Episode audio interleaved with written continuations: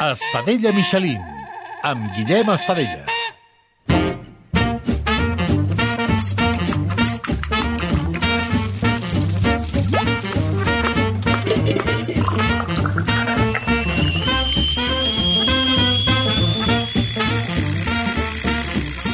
Esteu? I benvinguts a Estadella Michelin, un podcast de cuina per als qui no saben cuinar, per als qui els hi fa mandra i per als que sí en saben però volen riure una mica. I és que aquesta setmana s'ha celebrat la gala de la guia Michelin a València, la gala que otorga les noves estrelles Michelin d'Espanya i Portugal, i he de dir-vos que estem d'enhorabona. I no, no, no ens han donat cap sinó que en aquest capítol cuinarem en un dels restaurants catalans amb una estrella Michelin i dos soles Repsol. Moles que te cagues, me moles perquè sí, per quina raó no t'ho sabria dir. Me moles Què? Esteu flipant, eh? I jo també. Al programa d'avui anirem fins a Ulldecona per conèixer la cuina i la història de les moles al restaurant d'en Jeroni Castell, que des de 2014 té una estrella Michelin i que un any més l'ha tornat a renovar. Quin és el secret? Doncs això i altres coses eh, parlarem amb en Jeroni. Va, agafem el cotxe i anem cap a Ulldecona.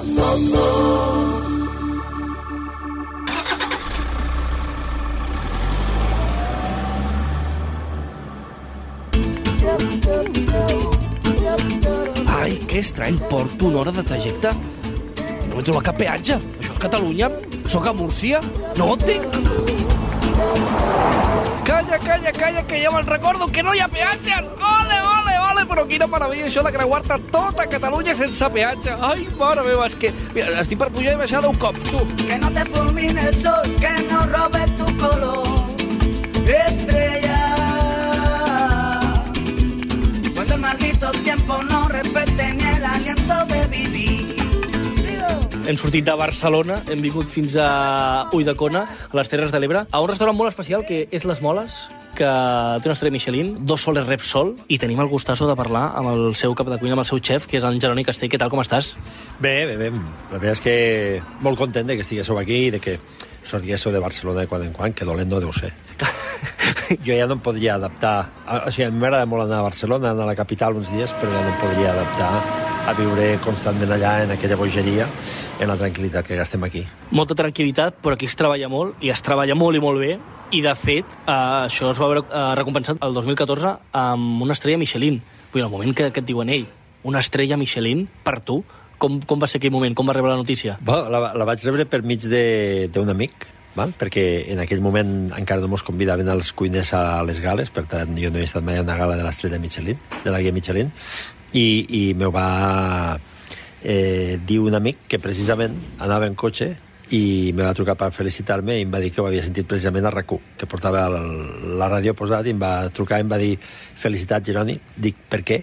Diu com que per què? Diu, t'acaben de donar una estrella Michelin. Josep Pros, un gran amic de, de Vilafranca del Penedès, i així em vaig enterar i a partir d'aquí va començar la bogeria. I com es... I, clar, jo, jo, és el primer cop que entro a un restaurant amb una estrella Michelin. Vull dir, això t'ho dic tot. Com saps, o sigui, com, com, com te la donen? En quin moment ve algun crític o això va com va? Ara fan més coses, no? Ara te tenim una placa a la porta, ara conviden els cuiners a les, a les gales. Això que fa vuit anys i poc se traduïa en res. O sigui, en què havia una guia de paper, i llavors començava també la d'internet, on te posaven una estrelleta al costat, no? I això és tot. Mai la Michelin, a dia d'avui, mos ha comunicat que tenim una estrella Michelin, perquè en aquell moment se feia així. O sigui, se Ah, feia... o sigui, tu, en cap moment eh, eh, el senyor Michelin t'ha vingut a dir, escolta, tens una estrella. Això mai. Mai, mai, mai, perquè en aquell moment no mos convidaven a la gala. I ara fa poc que s'ha fet la gala. Us han notificat que seguíeu amb l'estrella Michelin o, o tampoc? No, tampoc. O sigui, si tu no tens internet, tu no t'enteres, no? Una mica, vull dir, no t'arribes a enterar. No, no, no. Eh, de fet, fan la gala i a la gala tampoc només diuen les noves estrelles i després fan una nota de premsa dient qui renova i qui no renova. I per tant, nosaltres quan va acabar la gala el primer que vam fer va ser buscar el llistat per internet per a veure si estàvem dins encara dels que tenien estrella o de les que havien sigut baixa. I, I això us ha canviat molt, eh, el restaurant? Us ha canviat una mica el públic? Us ha canviat la manera de fer? Us ha canviat alguna cosa el tenir l'estrella Michelin? Sí, eh, ha canviat tot i molt, va canviar tot i molt. Mm, Jo sempre eh, aquí faig una matisació que dic a un poble com Ulldecona, no? eh, tan allunyat de, dels grans centres de població i també de decisió, eh, on la gent l'hem d'arrastrar cap aquí, eh, te canvia molt la vida des del moment que et donen l'estrella Michelin. Jo no sé, A Barcelona, per exemple, capital, hi hi ha suficient massa crítica com perquè un restaurant que destaque sense estrella se pugui omplir igual, no? Eh, nosaltres, la veritat és que el canvi va ser radical. Des d'on ha vingut la persona de més lluny aquí al restaurant? O sigui, allò que t'ha sorprès que diguin, ostres, venien de, de Salamanca, m'ha sorprès que vinguessin. On és el lloc on de més lluny que han vingut aquí a, a les Moles? Bueno, pocs, pocs mesos després de tindre l'estrella, de fet, eh, recordo que era a mes de maig, eh, no, per a mes de maig va fer la reserva, però mos ho va fer eh, poques setmanes després de tindre la reserva, mos, va enviar, mos van enviar un correu eh, en anglès, val? que primer vaig pensar... Com que vas d'anglès? Eh, bé, molt bé. O sigui, per exemple, yes, ho, ho toco. Val? I després eh, està amb un fill i els tr- traductors del Google. I llavors, en aquest cas, vaig utilitzar el Google, amb un fill, i, i un que em demanava taula per al mes de maig per a dos persones eh, des de Noruega. I clar, primer vaig pensar que era una broma, no? Eh, vaig, clar, per confirmar la reserva, com vaig pensar que era una broma, li vaig demanar targeta. A més, va ser una cosa molt, molt, molt curiosa, perquè li vaig dir que necessitava una targeta Visa per confirmar la, la reserva, i em va dir que cap problema, però que m'ho aviaria per correu perquè no volia enviar per internet. I al cap d'uns dies, de no recordo quants de dies, de 6, 7 dies, 8, no recordo, vam rebre una carta en, la, en el número de la targeta Visa i en la caducitat i tot per a poder fer la reserva. Per tant, eh, clar, des de Noruega i recient donada l'estrella, que era una cosa que en aquell moment ni mos se passava pel cap que un altre pogués vindre, pues, mos va sorprendre molt. I és dels que han vengut, del que ha vengut més lluny.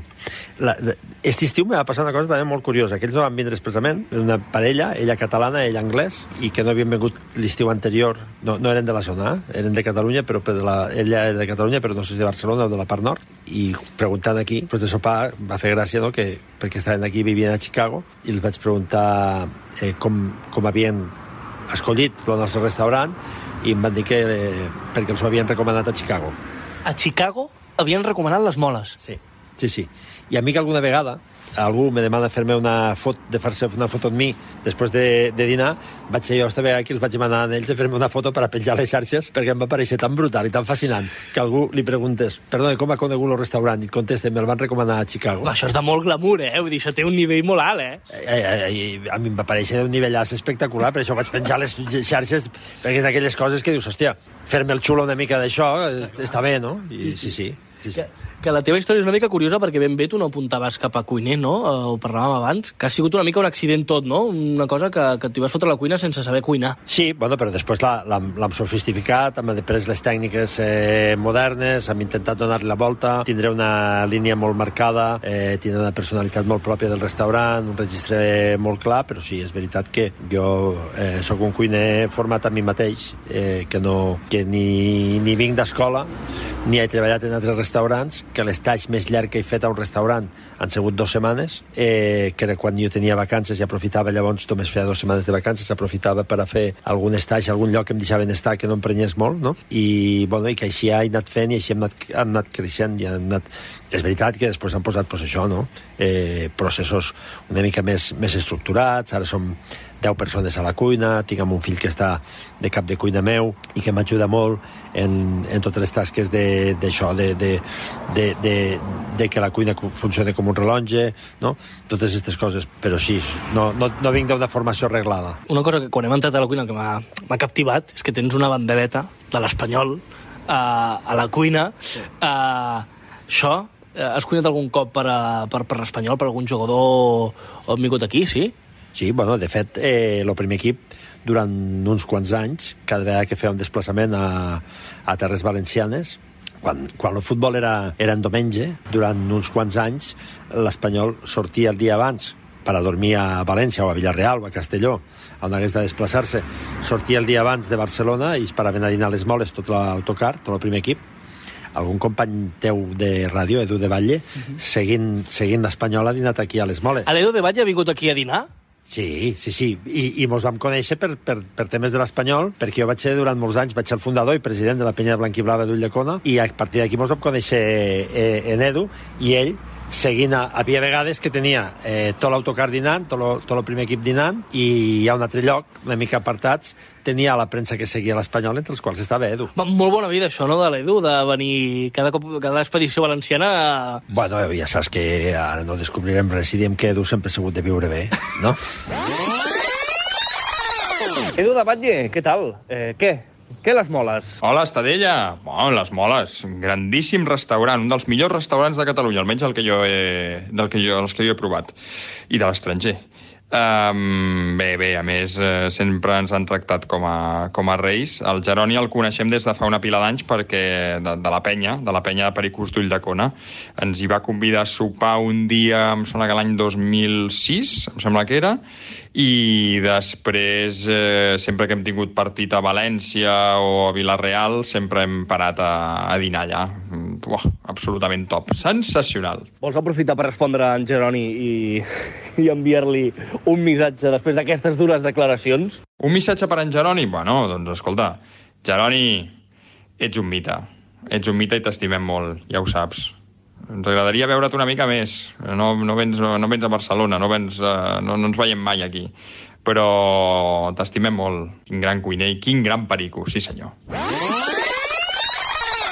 La gent que vingui per primer cop a les moles, què s'hi trobarà? Quin menú trobarà? Què, què és el que veurà? Jo, sobretot, més, que allà, més allà que un menú, tenim quatre propostes diferents, nosaltres. Eh, un menú entre setmana, eh, que, que és un preu molt raonable, que són 35 euros més beguda, eh, que es diu el menú tradició, que ve a ser una mica el menú de la, de la, de la casa nostra, per entendre-nos, però que està molt xulo. Ho fem en quatre mitjos plats, val? tres aperitius, quatre mitjos plats, un postre, per tant té vuit passes, i està molt bé. Després tenim un altre que es diu el menú a la carta, que és això, que et fas un menú a la carta, en els plats que tenim a la carta, ens posem d'acord, se posen d'acord tots els de la taula i comparteixen quatre o cinc plats diferents i fem mitges racions. I després tenim dos menús degustació, un que es diu el camí que han fet, que és això justet, el nostre camí, no?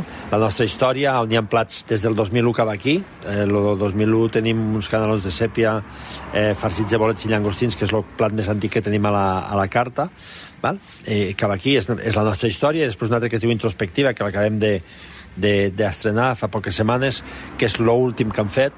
Per tant, més que que es trobarà, vull que es trobe en un restaurant que sigui, dic jo sempre, que tingui molta personalitat i sigui clarament reconeixible, no? I que tingui molt clar eh, què és les moles, no? I les moles vol ser, jo crec que ho aconseguim, però això ja ho té que dir la gent, no?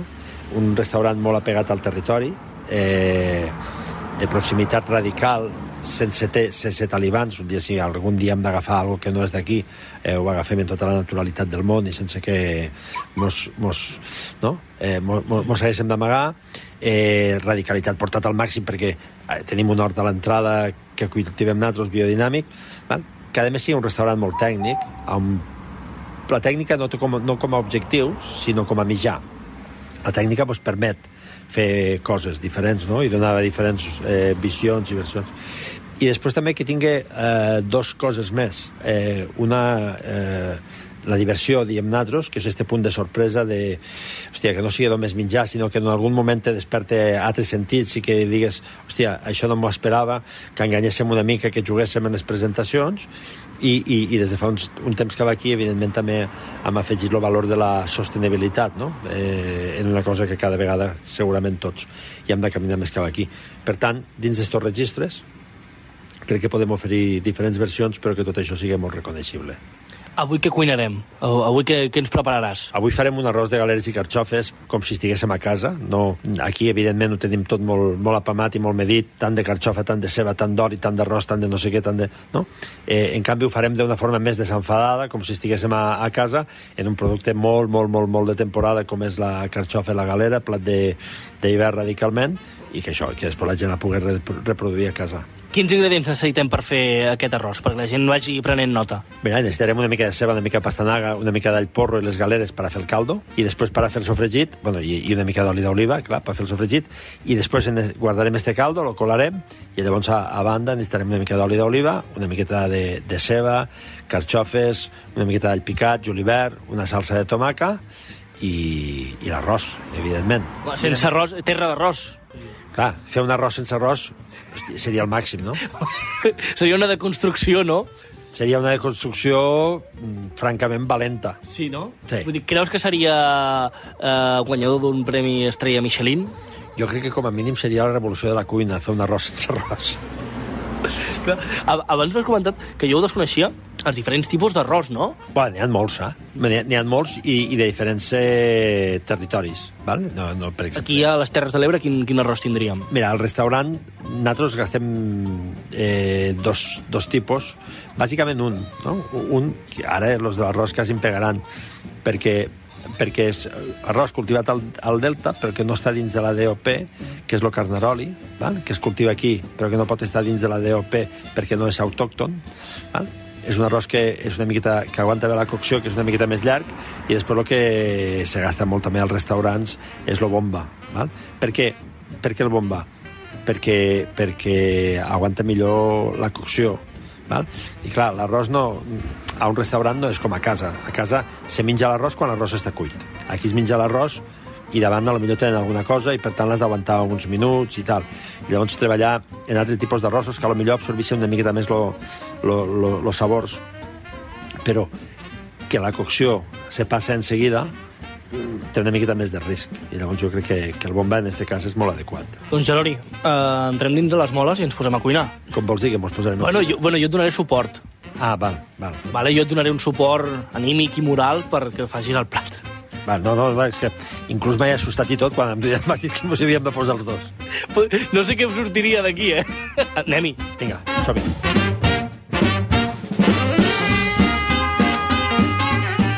Ho teniu tot? Doncs va, ens posem a cuinar en una cuina d'Estrella Michelin, eh? Va, ens veiem al canal de YouTube de rac per fer un plat d'Estadella Michelin.